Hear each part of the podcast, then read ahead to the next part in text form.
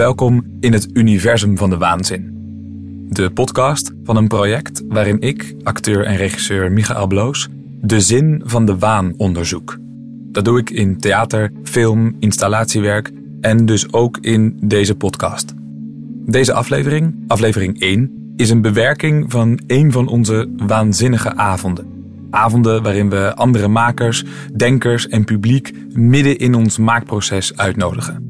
Deze waanzinnige avond is opgenomen in de Tolhuistuin in Amsterdam op 25 september 2020. Het is een avond midden in het maakproces van onze radiodocumentaire naar Istanbul en gaat over het schaduwgebied tussen creativiteit en gekte. En dat doe ik met alle makers van de radiodocumentaire, met net afgestudeerd tweemans collectief Veto en met kunstenaar en ervaringsdeskundige Sven Unique ID. Veel plezier.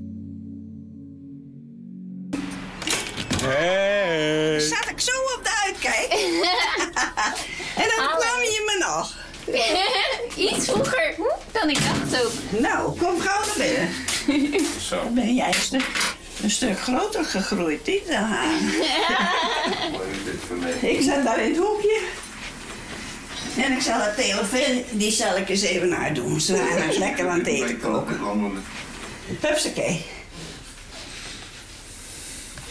Nou, en jij daar maar. Beppe betekent oma in het Fries. En Beppe Douwtje betekent oma Duifje. De audio, wat, dat, dat ja, is... hier zitten de, eh, hoe heet het, microfoontjes in. Ja? En die nemen dan ons gesprek op.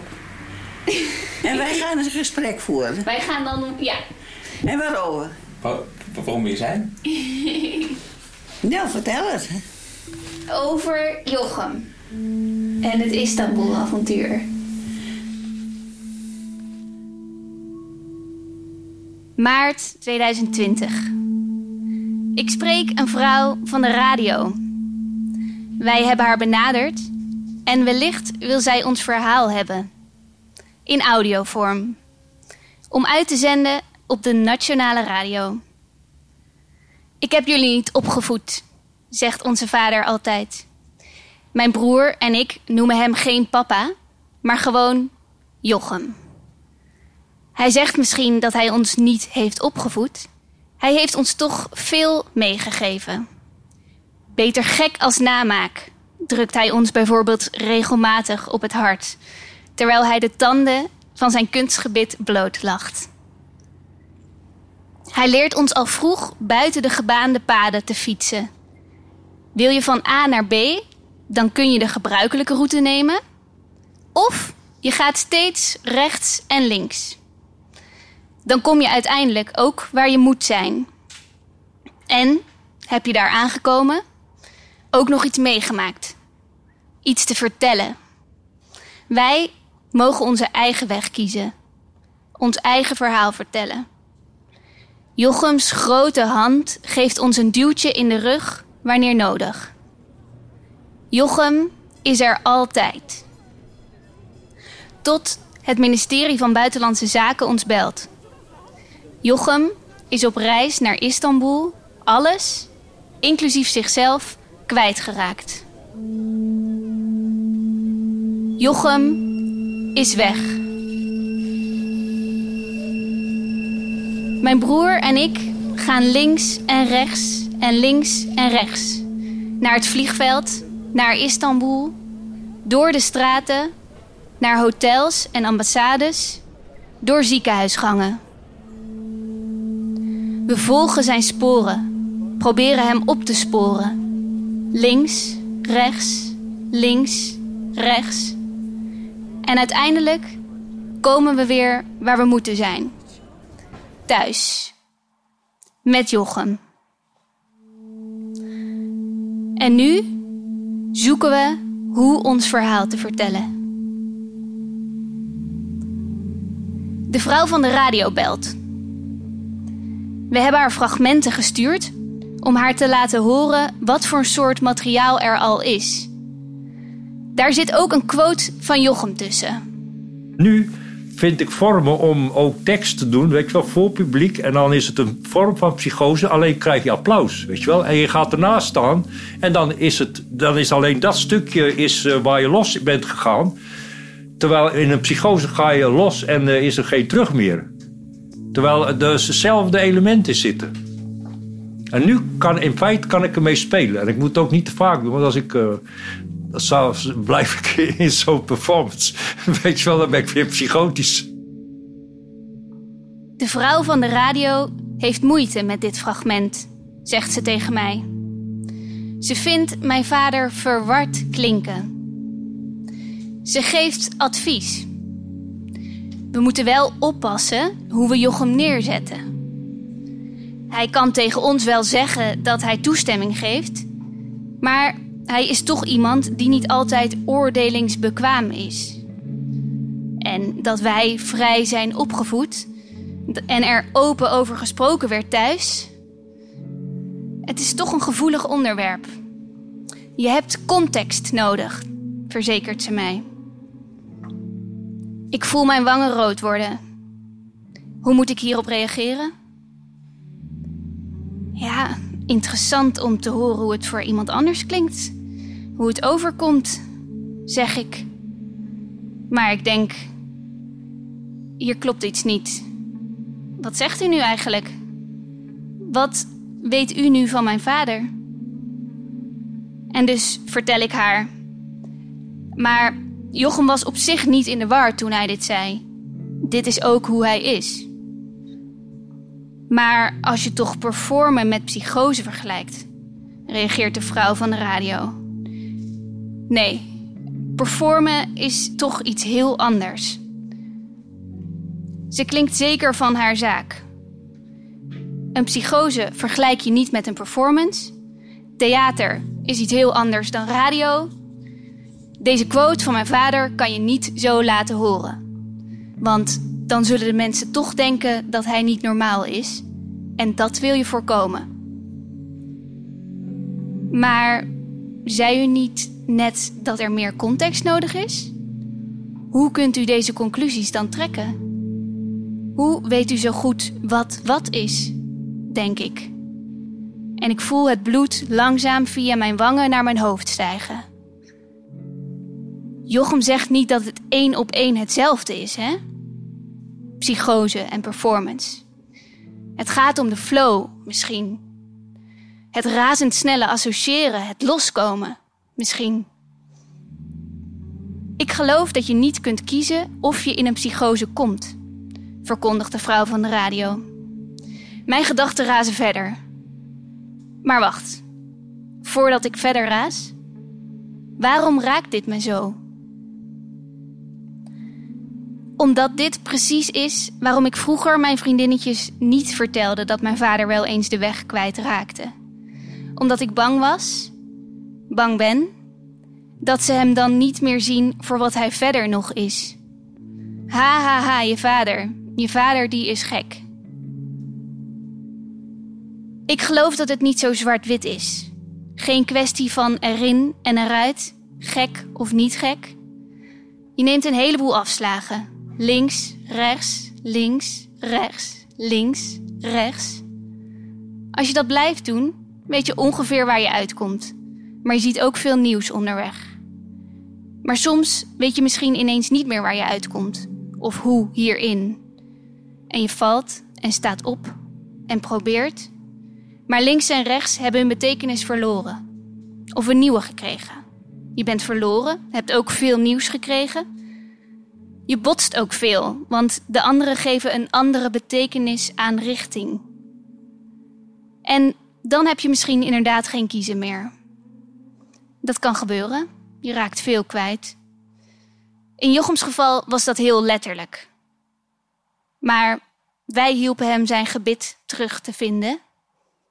En nu heeft hij weer kiezen. Jochem kan kiezen.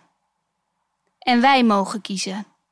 We gingen links en rechts en links en rechts. En we maakten wat mee. Hoe gaan we ons verhaal vertellen?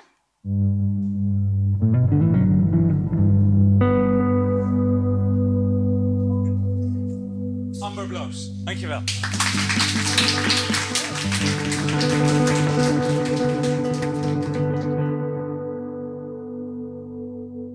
Ehm, nou, de voorstelling ging goed, maar ehm, na de voorstelling eh, belde Amber in tranen.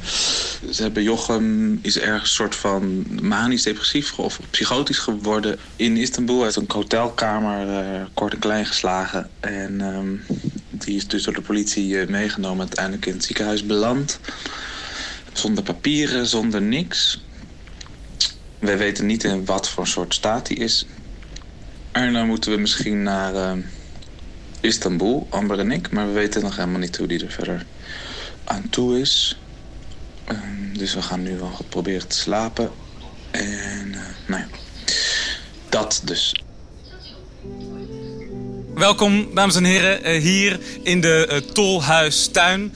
Jullie hier voor een prachtig, mooi, uitverkocht publiek. Maar ook een heel hartelijk welkom aan de mensen thuis. Die nu thuis aan het luisteren zijn. Mocht je thuis zijn of misschien op de fiets zitten terwijl je dit hoort... eh, bedenk dan even dat je in de ijzaal zit van de Tolhuistuin. Samen met 35 prachtig andere mensen. Ehm, je kijkt uit over, een, ehm, over het ei waar, de, waar het donker is. Klein beetje mistig. Eh, de boot gaat heen en weer. Mijn naam is eh Michael Bloos, theatermaker en acteur. Dat is Amber Bloos, mijn zus. En samen maken wij het universum van de waanzin. Dat is een, een langlopend onderzoek naar gekte, de grenzen van de werkelijkheid en vaders. En ehm, daarin maken we twee voorstellingen: eh, een podcast en een beelddocumentaire. En steeds eh, voordat we die eindproducten, zullen we ze maar eens noemen, de, de, de voorstelling, de andere voorstelling, de podcast, doen we een onderzoeksavond. Zoals deze. Ehm, waarin we ons proces opengooien, eh, laten zien waar we zijn, eh, vragen oproepen. En dat doen we graag met jullie. Ehm, en eh, omdat we een geheel universum ontwikkelen, vinden we ook dat we daar heel veel andere mensen voor moeten vragen. Andere kunstenaars die ons andere inzichten geven.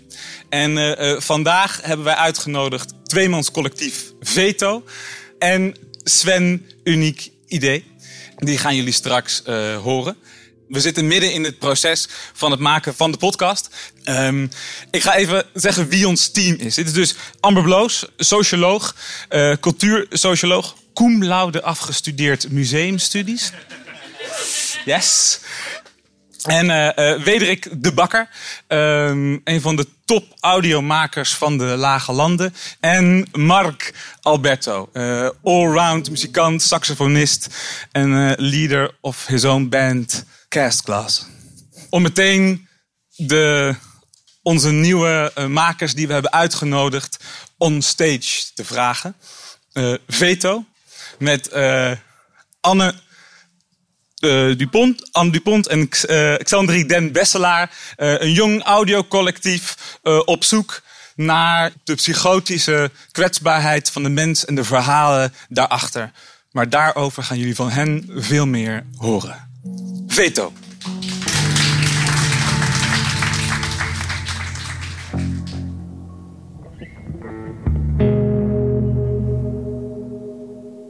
tien uur, negen uur.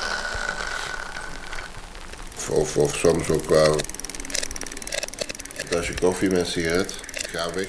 En dan zit ik hier soms wel een beetje die door. Dus eh doe daar. Dan eten we samen. Half acht of zo. En dan blijf ik daar meestal, dat ik mensen op hun gezicht wou slaan. Doe zee, of, of doe daar ga weg, mooie kat. En dan uh, doe daar, dan moest ik dat doen. Koffie met sigaret, 10 uur, 9 uur, half acht. Antwerpen, 1 september 2020. Lieve Anna, hoe gaat het met je? Ik schrijf je vanuit mijn kantoortje waar ik uitkijk op een achtertuin in de stad. Over een maand zijn we door Michael en Amber uitgenodigd op de waanzinnige avond nummer 2. Om te spreken over ons onderzoek als het ware. In hun universum van de waanzin, waarin kunst en de wereld van de psychiatrie samenkomen. Als het ware. Een onderzoek dat, hoe lang we ermee bezig zijn, zich steeds meer lijkt uit te dijen. Voor mij begon het op een zwoele zomeravond. Vier jaar geleden nu. We studeerden nog. Ik woonde in het Zonneke. Een studentenhuis waar de pannen met eten soms maanden bleven staan. Waar we s'avonds rode wijn dronken en boven het schaakbord urenlang praten. Ik vraag aan mijn huisgenoot en een van mijn beste vrienden, Willem, hoe zijn psychoses hebben gevoeld. Hij vertelde mij over zijn puberteit. Over nachtenlang in het park hangen. Inbreken in het openluchtzwembad. Over experimenteren met psychedelische drugs. Hij stopt in het midden van zijn zin. Zwijgt. Wijst met zijn arm naar de muur achter zich. Zie je dat? Ik kijk naar de muur waar doorheen de jaren allerlei dingen zijn geschreven en getekend. Ik vraag wat hij bedoelt. Twee felle koplampen van een auto. Ik kijk naar de voor mij onverlichte keukenmuur. Drink van mijn bier en knik twijfelend. Wanneer begon ons onderzoek voor jou? Ik hoop je snel te zien. Liefs, Xandri. Stel, je staat voor het raam, je kijkt naar buiten en het regent. Maanden een stuk, net zoals het altijd al heeft geregend. Um, plotseling besef je dat, zonder dat je weet wanneer het precies gekanteld is, um, de regen niet langer naar beneden, maar naar boven is aan het vallen. Behoorlijk moeilijk uitleggen aan iemand die het nooit heeft meegemaakt. Er zijn momenten dat de treinen op tijd lopen, bij wijze van spreken. Um, ander moment is het het um, spoornetkundig equivalent van botsautootjes op een kermis. Min of meer internationaal. West Terschelling, 5 september 2020. Lieve Xandri. Ik zit nu aan de keukentafel van mijn tijdelijke huisje op Terschelling. Vanuit mijn raam kan ik de brandades zien. Voor mij begon het bij mijn zus. Toen ze in opname was, stuurde ze me haar dagboekfragmenten op. De fragmenten van vlak voor de opname. Ik vond het verschrikkelijk om ze te lezen, omdat erin stond hoe mijn grote zus niet wilde leven. Ik herinner me een fragment waarin ze een vlinder beschrijft als uh, hulpeloos fladderend. Het lijkt me een grote straf om een vlinder te moeten zijn, schreef ze. Hoe kan je beeld van de werkelijkheid zo veranderen dat je het leven van een vrolijk fladderende vlinder als een grote straf gaat zien? Ik begon dat voorzichtig te onderzoeken. Voorzichtig omdat nog altijd heb ik tegengestelde gevoelens daarover. Ik wil dit beter begrijpen, maar ik wil het ook weer niet zo goed begrijpen dat ik er zelf in terecht kom. Ik word er ook bang van. Maar ik ging twee maanden op bezoek in een psychiatrische instelling. En ik maakte mijn afstudeervoorstelling, Wankelmoed. En toen dacht ik dat ik ermee klaar was. Maar dat bleek niet zo te zijn. Liefs, Anna. Ik herinner me een telefoongesprek, twee jaar geleden. We waren net afgestudeerd en we ploeterden ons door de eerste twijfels en onzekerheden. We kwamen elkaar om vijf uur ochtends tegen. Ik op weg naar de bakker, waar ik zou moeten beginnen werken. En Anna had net het café afgesloten. Later die dag, terwijl de schemer viel, belde je me. Aftastend praten we over onze gedeelde fascinaties. Over ambities, over ons makerschap, over de psychiatrie. Voorzichtig besloten we om samen eens iets te maken. Ons eerste gesprek was met M. Ik kende hem als ervaringsdeskundige uit het ziekenhuis waar ik onderzoek had gedaan voor mijn afstudeervoorstelling. Hij nam plaats aan jouw keukentafel. We waren allemaal zenuwachtig. Jij schonk koffie en serveerde chocolaatjes die allemaal aan elkaar gesmolten bleken te zijn. Hij praatte heel snel en lachte veel. We durfden de microfoon nog niet dicht genoeg bij zijn mond te houden, waardoor we er later achter kwamen dat zijn opname te stil was. Een goede dag, dames en heren. is mij zo net de onwerkelijke vraag gesteld om een muur die de dames als wit omschrijven te becommentariëren.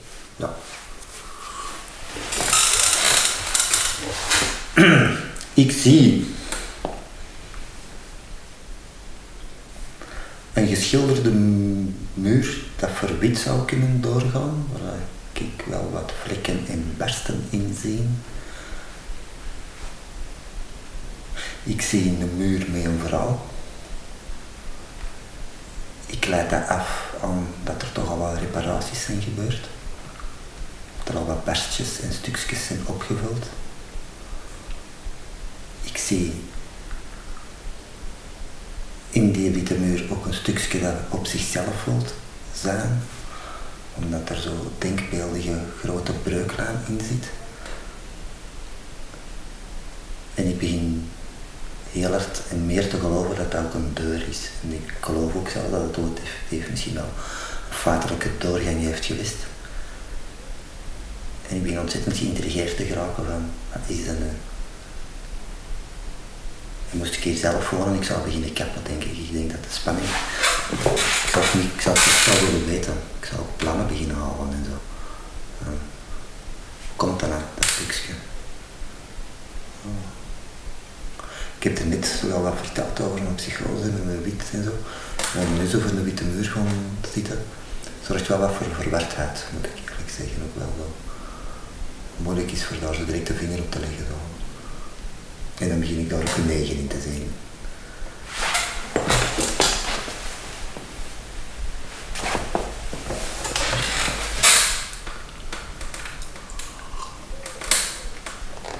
En daar een zeven in de lichte van.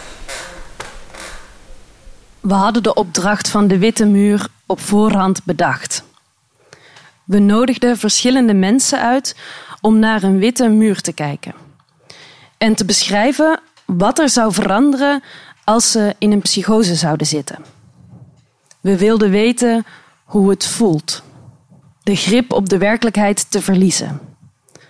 Maar door daarnaar te vragen, wilden we niet dat die persoon de grip zou verliezen. We wilden geen psychose triggeren. Het was de eerste keer dat we met dit dilemma te maken hadden. Het werd langzaam duidelijk dat we waren begonnen aan een project dat nog jaren zou duren. We praten naast M ook met A, K en G. We hebben er dus voor gekozen om hun namen niet te gebruiken. Vanavond niet, maar ook niet op andere momenten, publieke momenten van ons onderzoek. We hopen dat mensen hierdoor vrijer kunnen spreken, maar we willen hiermee ook voor onszelf een vrijheid creëren om een verschil toe te laten tussen de persoon die wij hebben geïnterviewd en het personage dat we opvoeren in onze stukken. We gingen nu zelf op bezoek. Zaten bij hen aan de keukentafel. We leerden ze kennen als roker, moeder, kraker, hobbyschilder. We leerden hoe ze de grip op de werkelijkheid verloren.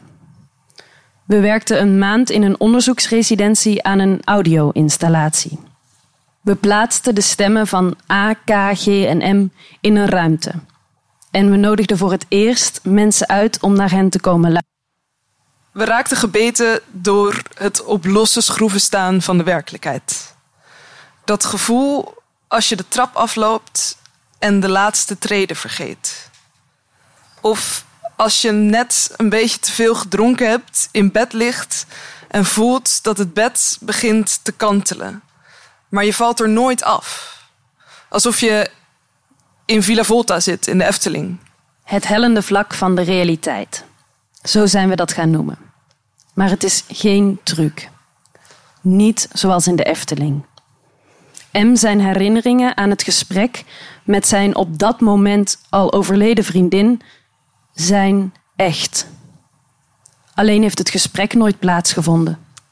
Iemand in een psychose heeft geen toegang tot de gedeelde werkelijkheid. Ze zijn hun grip op de gemeenschappelijke waarheid verloren. Welke consequenties heeft dat? En dan sta je op en dan ineens is de wereld anders. Je moet je voorstellen alsof je een, een, een, een lichtschakelaar indrukt en het licht gaat uit. En even op een gegeven moment gaat het licht weer aan. Echt uit, aan. Uh, uh, wat ik deed, ja, elke keer zie je al die, al die informatie. Auto's links, auto's rechts, wandelaar. Mensen die iets van je willen. En ik kon dat niet integreren. Heel veel mensen, uh, heel veel uh, keuzes die je maakt. Ga ik met de uh, ondergrond 13, ineens in juni 2013, auto's links, auto's rechts, half juni. Heel veel mensen. Al die, al die ik denk dat daar in mijn mensen die iets van je willen, is al heel veel. Tik, tik, tik, tik, tik, tik. En daar moet je wat zaterdag. In die eerste week slaag ik er niet in om de situatie te overzien. En begin ik dus langzamerhand een paranoia te ontwikkelen. Ik denk dat er in mijn mail wordt gekeken. Ik denk dat ik word afgeluisterd. Ik denk dat mensen mij volgen. Ik denk dat met name de kinderen misschien bedreigd zouden kunnen worden. Moest ik kiezen tussen of dan dingen doen die zou, toe zouden leiden dat ik dan zelf in de gevangenis zou, terecht zou komen. En dan zou ik daar verkracht worden. Of dat mijn kinderen zouden worden verkracht. En dan werd gezegd, zie je wel wat je ervoor hebt gekozen. Is dat je kinderen worden verkracht en niet jezelf. Zie je wel wat voor een slechte vader je bent. Eigenlijk kies je dus niet voor je kinderen, maar kies je voor jezelf. Hoe vind je een balans tussen sensatie en oprechtheid? We willen geen Villa Volta maken. Maar we willen de heftigheid van de verhalen ook niet ontkennen. In dit fragment, dat we als trailer gebruikten, komt het heftigste verhaal van G. zonder verdere introductie over hem als persoon naar boven. Mag dat? In hoeverre mogen we dit gebruiken om zo snel mogelijk de aandacht van het publiek te trekken? Wanneer is de manier waarop wij het monteren niet meer eerlijk tegenover G? Sensatie en oprechtheid. De gemeenschappelijke werkelijkheid. Het inzetten en bewerken van documentair materiaal. Graven naar verhalen zonder daarmee iemand te beschadigen. Het willen begrijpen en het op afstand willen houden. 10 uur, 9 uur. Of, of, soms ook wel. Als je koffie met sigaret, ga weg. En dan zit ik hier soms wel een beetje doe daar, die door. Dus doe daar, dan eten we samen. Half acht of zo. En dan blijf ik daar meestal. Dat ik mensen op hun gezicht wou slaan. Doe daar. Zee. Of, of doe daar. Ga weg, mooie kat. En dan uh, doe daar. Dan moest ik dat doen. Koffie met sigaret, 10 uur, 9 uur, half weg.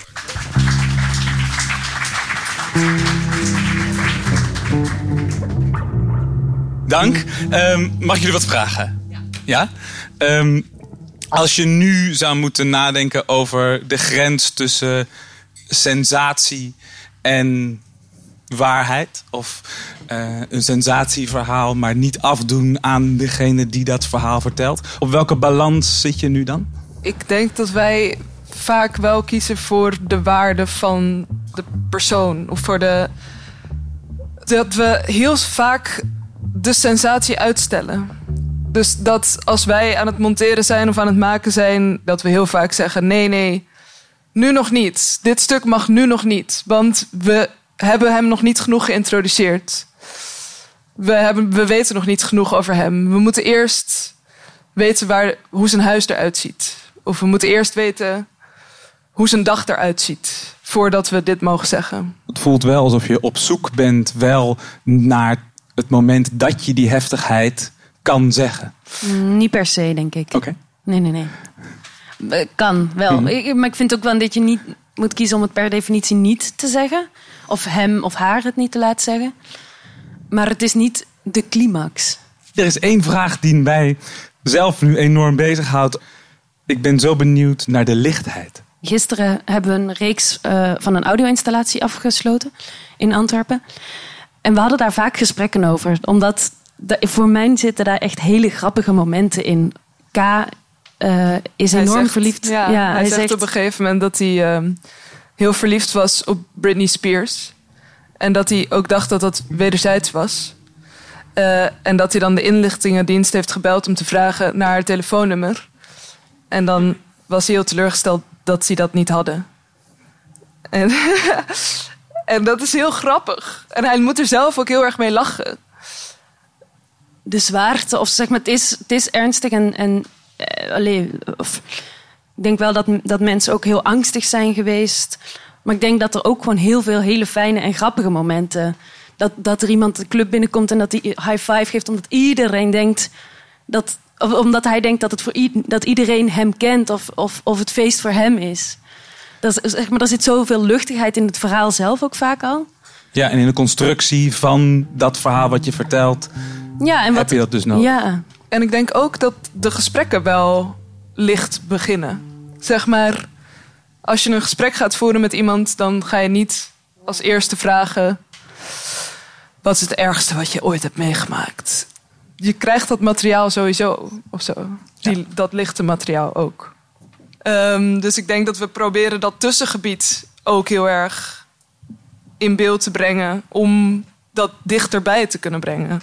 Maar dat neemt niet weg dat, je, dat het ook heel erg kan zijn. En dat het. Er zijn ook mensen die het in en in verdrietig vonden. Wat, wat K vertelde. En, en dat ik vroeg van, maar het is toch ook gezellig of, of gezellig of grappig? Nee, het in en in verdriet. Dus Het blijft een zoektocht. Ja. Toch? Het is het een en het ander en terug en Ja, heen voilà. en weer. En het, ja. Dank, we, we, we gaan doorzoeken. We gaan Ja. doorzoeken. Veel plezier. Dank je.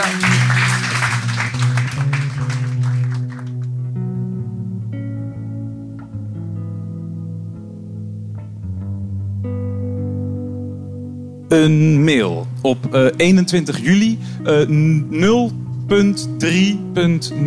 uur. Eh, H. Beide. Ik dacht, ik stuur nog even een mail met eh, wat gedachten. Het is altijd een goed idee om drie uur s'nachts. Ehm ik kom er vooral achter dat we eigenlijk nog geen duidelijk eh, doel hebben. Of eh, een duidelijk gerichte handeling waaruit alles voort kan komen. Wat willen die twee, die broer en die zus, daar in die studio eigenlijk uitzoeken? En er ligt nog een, een groter motief. En ik geloof dat we er, dat we er bijna zijn. Ik wil het in, in één heldere zin kunnen vatten. Ik, ik zoek geloof ik naar een, naar een handeling, een, een doel. Een doel waarbij we soms samen het ook nog niet weten wat we tegen gaan komen. En dat je als, als luisteraar eh, mee kunt in die nieuwe zoektocht. Dat, dat, dat we nieuwe dingen ontdekken. Ja, het, het voor onszelf ook spannend wordt en dat je daar als luisteraar eh, in mee kan. Dus ik richt me nu even in een denkoefening uh, op het onderliggende doel en het onderliggende motief, de, de handeling. Oké, ja, het is uh, duidelijk dat Amber en ik met z'n tweeën in de studio zijn. Dat de studio onze thuisbasis is, waar we een soort onderzoek starten. Ik denk nu, wellicht is het motief, wij willen het juiste verhaal goed aan Jochem vertellen. Zodat we aan hem kunnen vertellen wat er gebeurd is in Istanbul. Ook vanuit onze visie. Dat, en dat het tegelijkertijd helder voor ons wordt wat er eigenlijk precies gebeurd is. En dat je daarmee alle lagen kunt vertellen waar we het al heel lang over hebben. Ja, en dit is het uitgangspunt van de podcast: het verhaal vertellen aan Jochem. Maar daarvoor moeten we het goed vertellen. En wat is dat dan eigenlijk, dat goed vertellen? Zijn dat de feiten die we vertellen? Zijn dat, de herinneringen? Zijn dat de gevoelens? Hoe gaan we dit doen? Wie, wie hebben we nodig om, om terug te keren? Bij wie moeten we langs om te begrijpen of onze herinnering, gevoelens en feiten wel kloppen?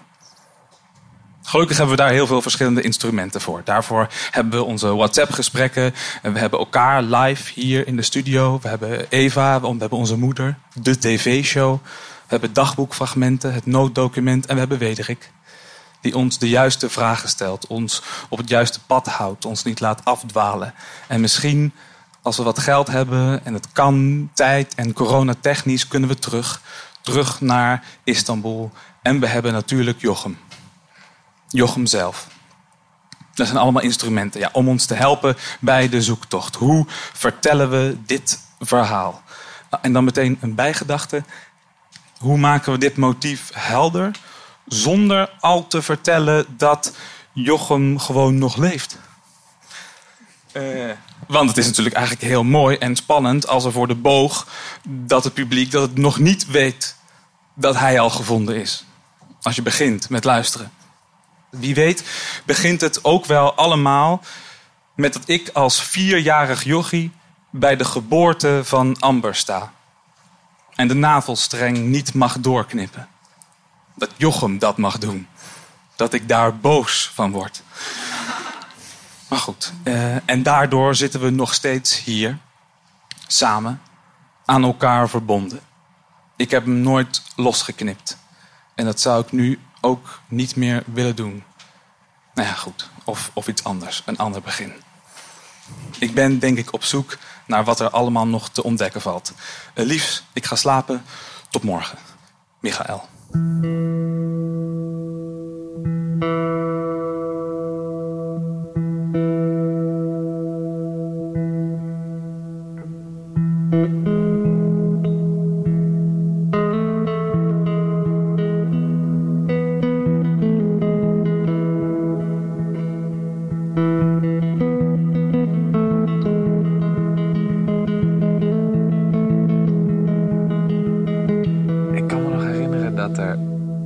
tafel zat, ineengedoken, pratend over eh, het redden van de schildpad. We hadden een schildpad, die was net overleden, op tragische wijze. Uh, en die, uh, die zou hij met zijn krachten tot leven wekken. die, die, hadden we te lang, die hadden we te lang in de koelkast gestopt. Omdat dat in een boekje stond voor schildpadden. Omdat ze daar in hun winterslaap zouden houden. Die kwam niet meer levend uit de koelkast. Maar Jochem kwam terug, hoorde dat verhaal en wist zeker dat hij de schildpad terug tot leven zou wekken. Ik had wel een lichte hoop dat het toch wel echt waar zou zijn. Dat ik, ik weet nog wel dat we naar dat badje van de schildpad zijn gelopen, dat ik daar naast Jochem stond. Ik hoopte toch wel dat hij echt had geleerd hoe hij die schildpad tot leven ging wekken. Maar dat beeld van hij kwam thuis, we gingen taart eten, dus dat was leuk. Jochem was weer thuis. Dat we aan tafel zaten en dat hij inderdaad ineens omsloeg. En hij ging ook niet gewoon huilen, hij ging echt. Zijn onderlip begon te trillen. En dat beeld heb ik nog heel erg. Maar het meeste wat ik weet van de psychoses van Jochem is uit de verhalen, uit zijn eigen verhalen. Maar dus ook wel verhalen van eh, hij kwam terug van een reis en hij heeft alle ruiten ingeslagen. Dat soort dingen. ja, dat was een soort. Dat was een kind wat aan tafel zat. En wat echt verzorgd moest worden door de mensen om hem heen. En er was wel dat moment voor mij. Ik was twaalf, denk ik. Jij was acht. En bij mij weet ik nog heel goed, Jochem was toen een paar uurtjes thuis. En toen ging hij naar de crisisopvang. Een paar uur thuis, schildpad proberen te redden. En naar en naar de crisisopvang. En toen dat gebeurde, dacht ik... Ah, nu ben ik de man in huis. Nu moet ik sterk zijn en verantwoordelijkheid nemen. Dat was, dat was een soort heel helder. Zo van, ah ja, er is nu niet iemand anders die dat als eh, man kan doen. Twaalfjarige jochie. Maar dat, dat, weet ik, dat weet ik toch heel, heel goed daarvan, ja. Wederik? Ja? Jij bent onze podcastmaker. Ja, dat is uh, sinds kort een beroep. Hè. Wij zijn hier nu een, een, een, een nieuwe constructie aan het maken van een verhaal dat echt heeft plaatsgevonden. Uh, dit is misschien uh, ook wat over het algemeen het idee is van een documentaire. Je ja. laat een beeld van de werkelijkheid zien en toch construeer je die. Geef je een bepaalde kant van het verhaal, van die werkelijkheid. En um, jij maakt vooral audioverhalen uh, ook, uh, en documentaire verhalen. En een van de grote vragen die ik heb, ook gedurende dit proces, is: ik als theatermaker maak vooral verhalen die misschien niet echt gebeurd zijn. Maar jij maakt een nieuwe constructie van iets dat daadwerkelijk heeft plaatsgevonden. En hoe ga je misschien om met die nieuwe constructie? Heel goed. Uh. Ja, fijn. Dat is fijn, dank je. Ja, nou, dat is goed dat je er goed mee omgaat. Dank je wel voor het komen allemaal. Dat is, een, uh, dat is een moeilijke vraag. Meestal spendeer ik uren en uren met mensen die ik interessant vind, gewoon om die te leren kennen en vervolgens te vragen: is het oké als we daarover iets maken? Dat is helemaal, voor mij is dat helemaal geen evidentie dat iemand dat uh, wilt of dat iemand dat kiest om te putten uit je eigen leven. Over mijzelf, als ik, als ik mezelf als, als maker zie en dan kijk van waar ik, of dat ik zelf zou, zou maken over mijn eigen leven, dan vind ik dat heel, ik vind dat heel moeilijk. Als ik aan, aan dit verhaal werk, probeer ik mij altijd in mijn achterhoofd te houden dat dat best, een, uh, dat dat best pittig is voor jullie, voor Jochem, voor de omgeving. En maakt dat uit in de manier waarop je maakt dan? Uh, jazeker. Want, want kun je niet uh, beter ons als subject zien en dan denken: hey, ja, ja. kom, ik moet wel het beste maken wat ik vind dat het beste moet zijn. Dus ik, ik moet een beetje over hun heen. Misschien wordt het daar wel beter van? Uh, ja, nee. Ik vind het voor personages heel belangrijk. En personages. Jullie zijn personages. Jochem is een personage. Ik gebruik dat voor iedereen die voorkomt in een bepaald stuk. Uh, als ik iets maak over mijn moeder, dan is mijn moeder dat personage. En dat creëert een soort van afstandelijkheid waarmee dat je bijna naar een verhaal kijkt. Uh, omdat zelfs een documentaire, net zoals dat je een theaterstuk maakt of een, of een, of een, of een documentaire film maakt of gewoon een, een fictiefilm maakt, kan je dat heel eenvoudig samenvatten tot een soort van verhaalstructuur. En dan gaat het altijd over um, zo goed mogelijk proberen om die verhaalstructuur zo puur mogelijk te krijgen. Uh, Is dat de zoektocht? Om, om hem zo puur mogelijk te krijgen? Want je kunt er op duizend verschillende manieren ja. naar kijken, toch? Je kan, ja, ja, je kan elke denk, hoek nemen. Maar het lijkt alsof jij op zoek bent naar je zegt... nee, volgens mij is er één mm. Meest zuivere vorm om het te vertellen. Nee, ik denk dat niet. Ik denk dat het afhangt. Ik denk dat je, als de, stel dat je... Um, moest ik een stuk um, opnieuw maken dat ik tien jaar geleden of, of vijf jaar geleden gemaakt heb, dan zou ik dat helemaal anders doen misschien nog wel met dezelfde interesse of dezelfde zoektocht zit dat misschien nog in. Of als ik daar heel erg aan snuffel, ruikt dat misschien nog een klein beetje naar hetzelfde. Maar het verhaal op zich, denk ik dat je helemaal anders vertelt. Dus op dat vlak denk ik dat dat een, dat dat een proces is dat, je ook als, dat ik dan als maker doormaak. Om uit te komen bij bij iets wat ik op dit moment binnen de tijdspanne zo goed mogelijk maak. En in en, ons en dat, dat is, dat is, dat, dat, dat is hoe, hoe, denk, hoe ik denk. Dat is zo de soort van, er zijn maar 24 uur in een dag. Eh, je werkt er heel wat van. Je denkt er heel erg over na. En dan probeer je dat zo puur mogelijk neer te zetten met de tools en met het métier dat je op dit moment bezit. Ik weet dat, je, dat er hier een aantal... eh, hier zitten heel veel eh cuts in. Van eh eus en, en a's en, en Ja. stotters van mij. Die haal je weg. Ja. Waarom? Tijd te sparen. Omdat ik geloof dat een, eh, dat een mens maar een bepaald aantal aandacht heeft op een dag.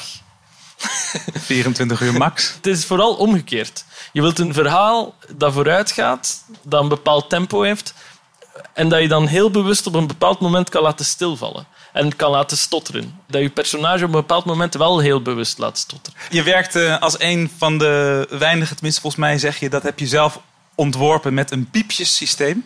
Ah, het piepjesysteem. Ja, ja. Kunnen, daarover hebben- praten? kunnen we daar een paar van horen? Eh, wacht, ik kan, er hier, ik kan het hier laten horen. Ja. En dan mag Ehm, u, u bedenken wat, wat het zou betekenen, de piepjes. 's ochtends konden we om 7 uur met het consulaat bellen. En toen kregen we iemand anders aan de lijn die het gisteren niet had behandeld, maar een soort memo had liggen. En volgens mij keek die op dat memo en die zei: Maar meneer, hij ligt helemaal niet in een ziekenhuis. Nee, volgens mij is hij daar niet meer. Zo, maar hè? We hebben toch gisteren is toch gezegd dat, dat hij in dat ziekenhuis zou liggen. Dus eh, ho- hoezo hij ligt daar niet meer? Ja, belt u zomaar even terug.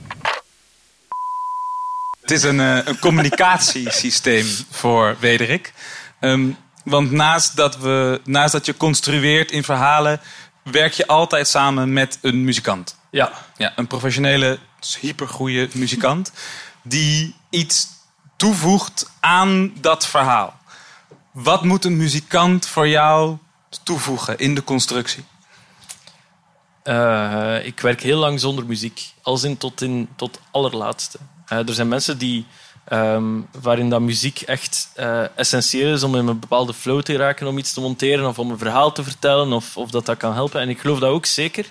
Maar ik stel dat zo lang mogelijk uit, omdat ik ook weet dat muziek kan dingen veel mooier maken dan dat die werkelijk zijn. Eh, en als je dan... eh, soms kom je dan eh, van, een, van een bedrogen zoektocht thuis als je merkt dat hetgeen wat je op muziek zo mooi gemonteerd hebt, dat je, als je eindelijk- eigenlijk luistert naar wat er verteld wordt, dat dat heel mager is. En door lang zonder muziek te werken, probeer ik dat te vermijden. Maar daarom is het ook zo leuk om daarna wel muziek te hebben. En dus die piepjes, ik werk, dat is mijn communicatie met, met muzikanten, waar ik zeg van, oké, een laag piepje ehm, is, is waar, waar de muziek volgens mij een goede plek zou hebben om te beginnen. En een hoog piepje is waar dat goede plek zou zijn om eh, muziek te stoppen. Dat is ook handig gewoon in het monteren. Dat, dat voor mij is dat efficiënt. Dan ben je, onder, je bent tijdens het monteren ben je al bezig met hoe dat je uiteindelijk iets gaat, hoe dat uiteindelijk iets gaat klinken. Je bent niet louter met tekst bezig, je bent niet louter bij het omgevingsgeluid bezig, je bent bezig met een soort van constructie te maken van zowel een vertelstem of, of, of een, een stem op een locatie in combinatie met, met sounddesign, dus met alles wat dat toegevoegd geluid is. Als je daar nog muziek aan toevoegt, dan heb je zo'n soort van... Dat zijn zo de drie grote elementen waarmee dat je kan werken. Mooi. Waarin tekst vooral concreet is, gaat zitten op de psychologie van de tekst. Eh, en de piepjes eigenlijk aangeven waar het abstractieniveau moet komen. Waar, er, waar de abstractie in moet komen of een gevoelsmatigheid. En eh, Mark, ehm, dat is eigenlijk jouw taak überhaupt als muzikant. Eigenlijk werk je voornamelijk met ab- op abstractieniveau. Voel, voel je dat zelf ook? Of denk je, nee, nee, wat, wat ik maak is hyper concreet? Nee, ehm, absoluut niet. Eh, nee, ik denk dat is voor mij is dat het überhaupt het spannende aan muziek. Dat ik voor mezelf, ik ben daarin juist heel erg op zoek naar ehm soort van, ja, ik noem het dan zeg maar tussenemoties of tussentaal. Soort van dingen die je zo, ehm, die je zo niet concreet kan vangen in theorie, communicatie, visueel, in dingen die concreet zijn, maar juist dingen die een, een diepere laag in ons aanspreken. Daar ben ik juist heel erg naar op zoek. ook altijd heel erg, ook, ook heel erg in klank, zeg maar. Dat is, ik vind dat heel interessant om soort van net, ja, daar zit een soort van, voor mij zit een hele abstracte, abstracte gevoelslaag in, in muziek. Maar, um, het wel interessant is, omdat, ja, ik, ik, ik ontmoet Wederik voor het eerst. We hebben wel gezoomd, dus die piepjes zijn voor mij ook, uh, ook nog nieuw. Um, heel tof. Maar ik, ik zelf werk dus ook zo lang als mogelijk zonder muziek. Om precies dezelfde reden eigenlijk. Dus ik vind het heel belangrijk dat um, soort van de structuur van wat het ook is, of het een popliedje is, of een strijkkwartetstuk of zo, maakt niet uit. Dat de soort van het waarom en soort van de structurele, de concrete dingen, dat die zeg maar gezonken zijn. Um, om erna eigenlijk veel intuïtiever te kijken wat ermee te doen. Dus ik ga niet meteen kijken van, van oh, dit is cool. Ik ga er een nummer op maken. Want dat, dat is soort van, dat is eindeloos, zeg maar. Je kan gewoon, je kan gewoon voor altijd coole shit doen. maar als je juist, als je bij dat abstracte niveau wil komen, vind ik dat, ja, dus ik doe, het is eigenlijk, eigenlijk precies hetzelfde wat, wat Wederik zegt. Dus je moet beginnen bij de concreetheid, bij het verhaal, bij dat wat je wil vertellen. En je, ja, en je onderzoek wel, ook al is het een ja, persoonlijk onderzoek of wat het dan ook is. Maar ja, absoluut.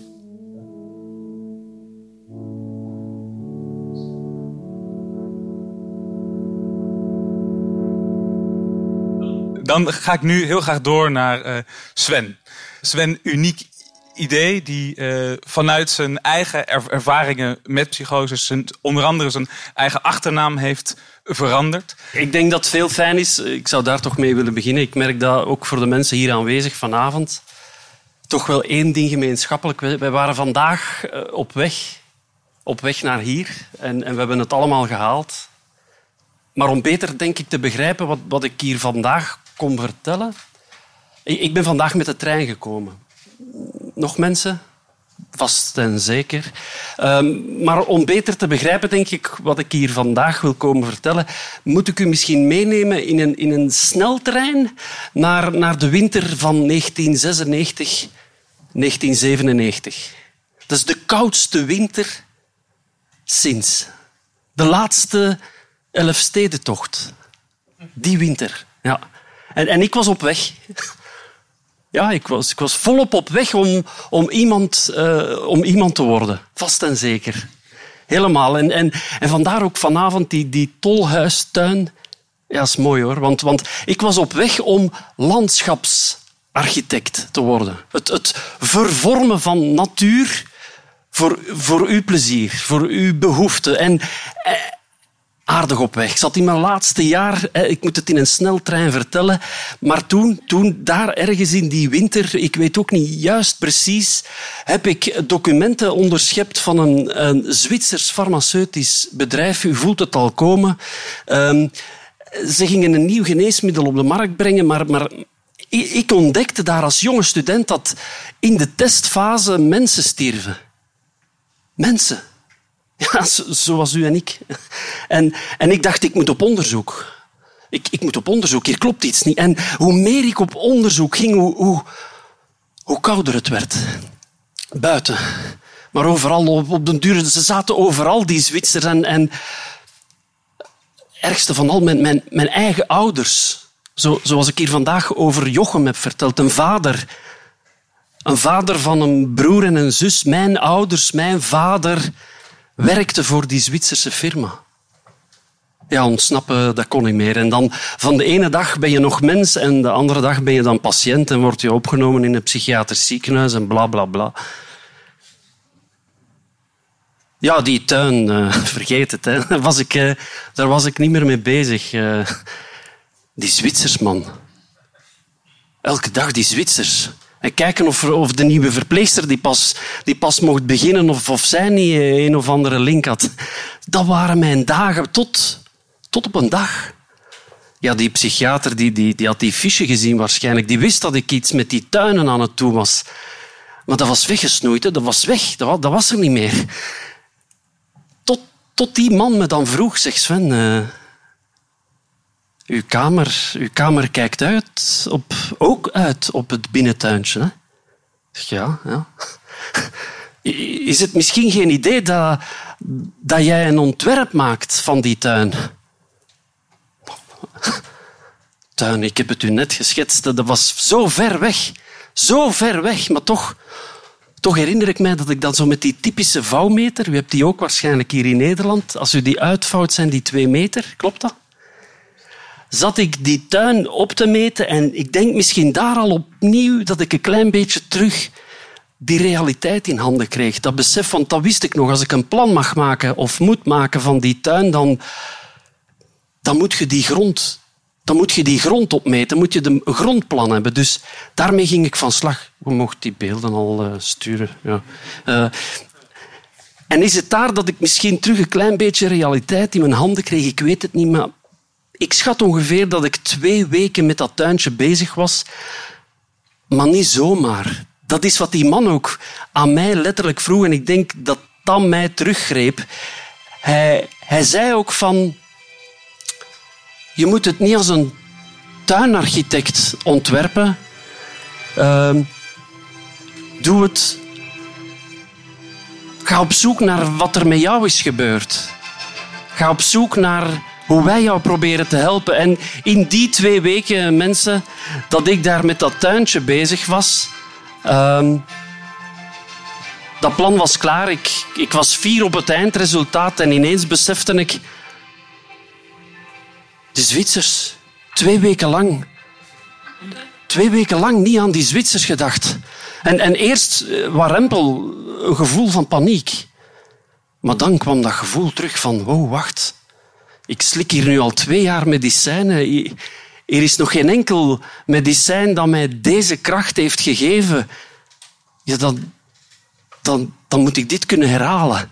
En, en dat ben ik gaan proberen te doen. Natuurlijk niet makkelijk als je daar in zo'n psychiatrische instelling zit. Eerste truc is Houdini natuurlijk. Hoe raak ik hieruit? Uh, maar dat is gelukt. Ik kon de hand nemen van een meisje die een jongen kwam bezoeken en zij werd de mijne. En het was best ingewikkeld hoor, in die periode. Maar, maar het gaf mij wel de kracht om met die ene voet uit die instelling te zijn gestapt om terug te beginnen creëren. Maar niet zomaar. Ja, en dat ging dan zo klein beetje rond natuurlijk. Van, hey, de zoon van, hij is terug buiten. Ja, en er kwamen mensen met de vraag van... Zeg, zou jij voor ons niks kunnen ontwerpen? En dan wist ik dat ik opnieuw kon beginnen, net mijn medicijn kon ontwikkelen zoals toen.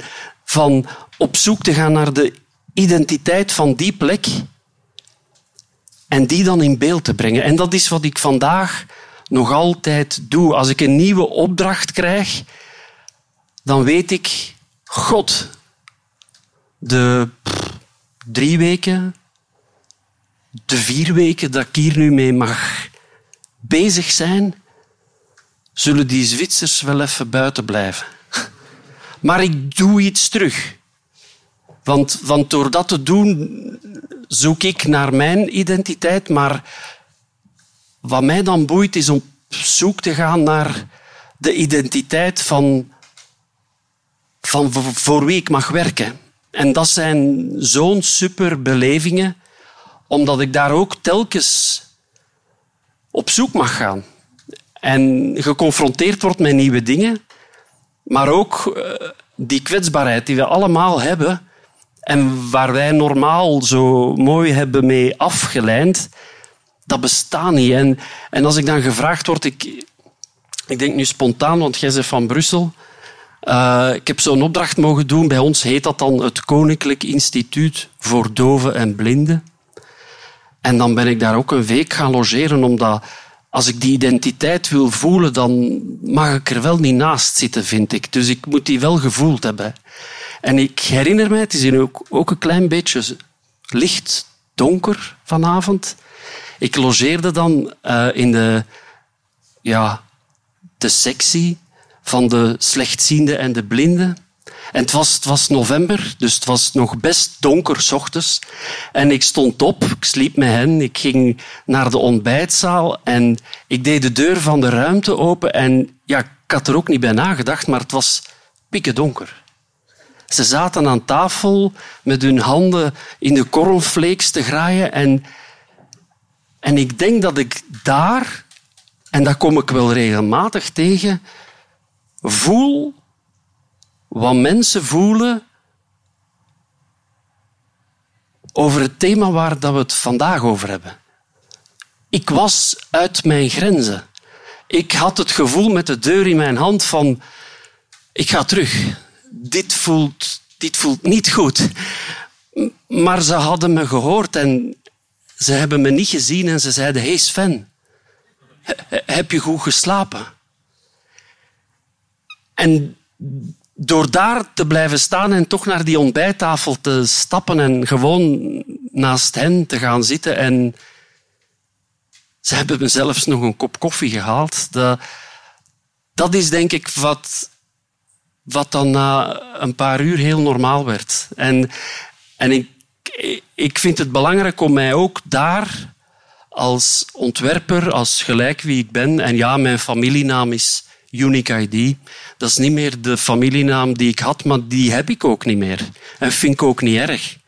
Um, ik, ik besef dat identiteit iets is dat hier veertig keer uniek naast elkaar mag zitten. En, en dat boeit mij heel hard om daarmee als iemand gewoon, zoals die anderen, dan mee aan de slag te gaan. Maar wel, en dat doe ik dan wel heel graag, die, dat moet ik u ook nog wel meegeven, want dat is mij iets dat wel heel, heel bijzonder is. Na, ja, dat is een nawerking van mijn eigen medicijn. Ik zal het zo zeggen. Ehm, ik heb beseft dat... Mij zeiden ze dan, ja, je hebt psychoses gehad en we weten daar nog niet heel veel over en misschien een beetje erfelijkheid, maar jouw omgeving heeft jou getriggerd. Zij hebben ervoor gezorgd dat jij dat hebt gekregen. Dan, dat is zoiets dat bij mij is blijven hangen in de zin als omgeving dan zo bepalend is waarom bouwen we die dan zo neutraal? Waarom, en, en dat is ook de dingen, de, de beelden die ik nu hier zie, zijn heel bekend, maar uh, voor mij is, is omgeving bepaalt ons DNA, omgeving bepaalt ons denken. Wij leven in beelden. Dus we moeten ons daar heel hard bewust van zijn. Dat is, dat is wat ik heb ervaren op mijn reis. Dat als je die omgeving kan kneden, kan veranderen, dan kan je de mens veranderen. En dat kan je op heel veel dingen doen. En daarom ben ik heel blij dat ik hier in jullie verhaal een stukje mag komen zijn, samen met de anderen die vanavond hier ook iets hebben mogen vertellen. Want omgeving is ook natuurlijk niet alleen wat we zien als beeld, maar dat is ook wat dat we horen. Dat is ook wat dat we horen uit de mond van diegene die naast ons staat en dingen vertelt. En daar denk ik, daar moeten we ook heel hard op inzetten, op het beeld dat anderen hebben over ons, om dat mee te bepalen. En ik denk, um, sommige mensen denken, ik kan daar geen onderdeel van zijn, maar we zijn allemaal heel uniek. En ik, ik, ik kan u alleen maar zeggen dat dat wel zo is. Um, zo. Um, ja.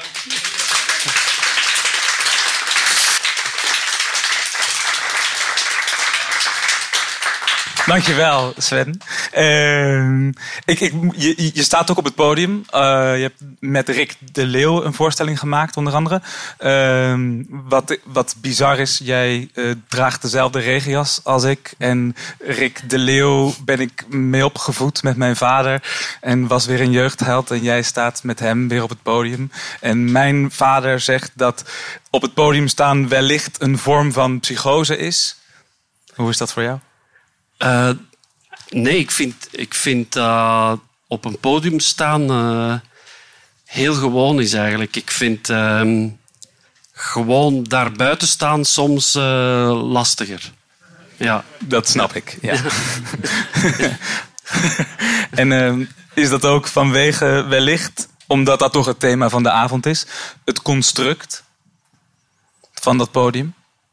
Ja, omdat je daar alles in handen hebt om te maken, te vertellen, beeld dat je afstraalt op de mensen die naar jou kijken, dat heb je helemaal onder controle.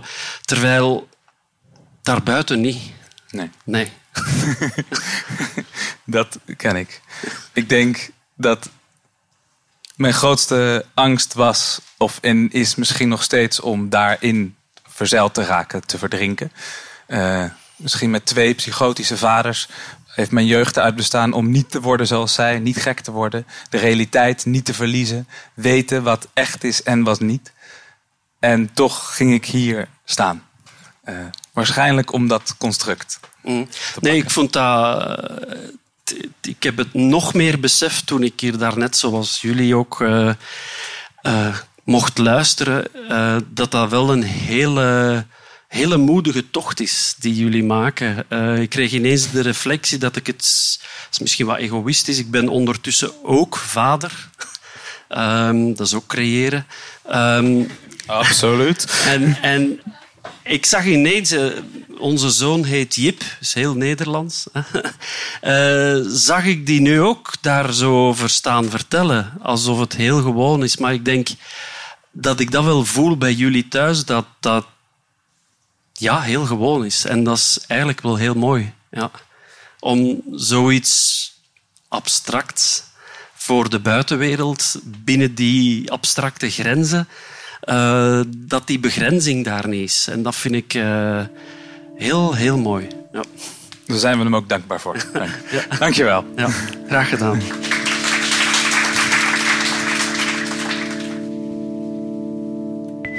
De plek. De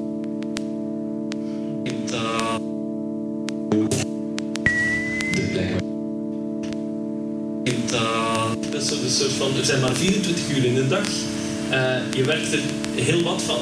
Je denkt, erover, je denkt er heel erg over na en dan probeer je dat zo puur mogelijk neer te zetten met de tools en met het plezier. Heel.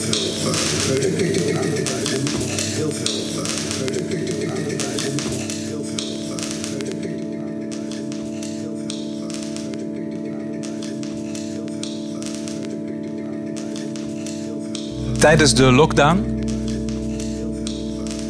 begon onze vader, Jochem, zijn herinneringen en hallucinaties op te schrijven. Of hallucinaties en herinneringen.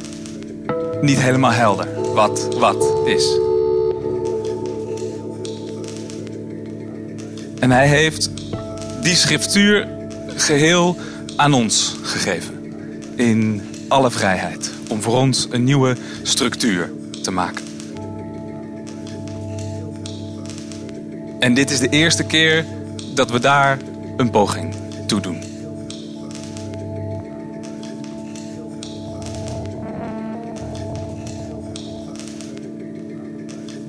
In het begin het gerucht dat Amber verdwenen is.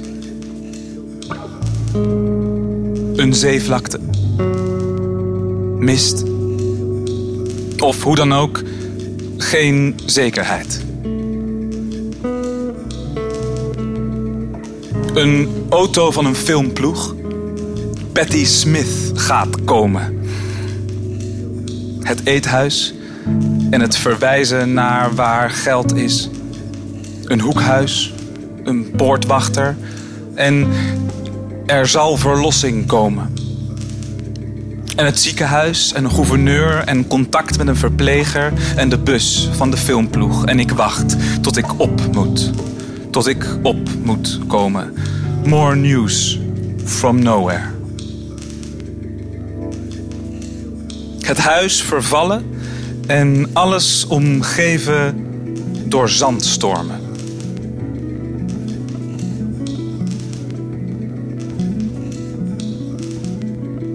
En de tocht langs een brug. Auto's bovenlangs en donker en een brug, dus water. En als je loopt, lager dan de auto's en verlicht en een wachthuisje met wachters. Ik ben een soort van welkom en er is een grote pan pap en gevaar buiten. Wat er bewaakt wordt, onduidelijk. De overgang is onduidelijk.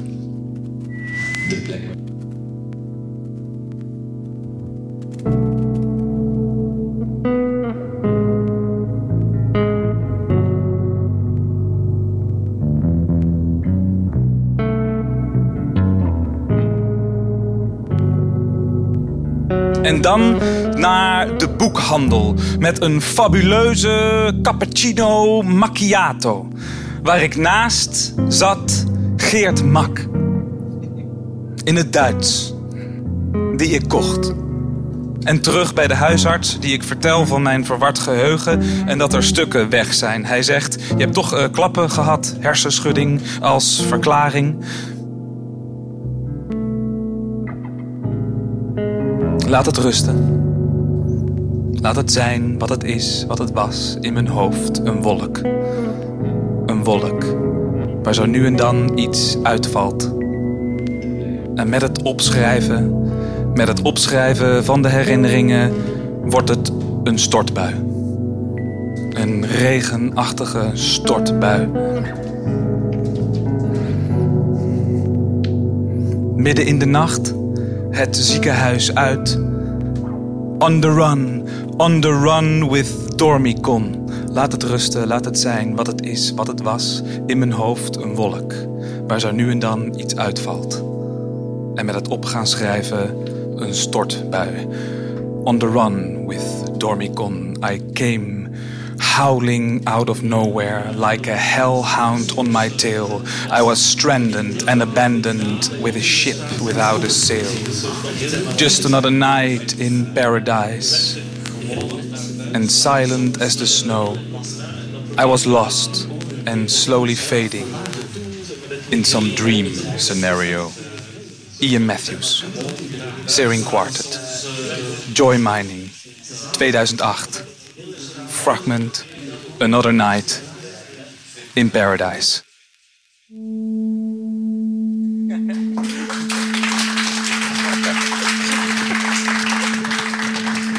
Dit is uh, het einde uh, van deze avond.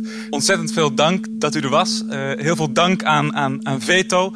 Sven, heel hartelijk dank voor je mooie verhaal. Mark, dankjewel man. Wederik, dank. Amber, dank. Jullie dank. Wauw.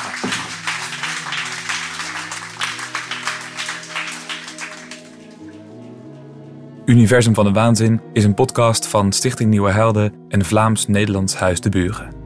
Wil je ons live zien, een waanzinnige avond bijwonen of naar een van onze voorstellingen komen? Of wil je reageren? Ga dan naar universumvandewaanzin.nl of deburen.eu.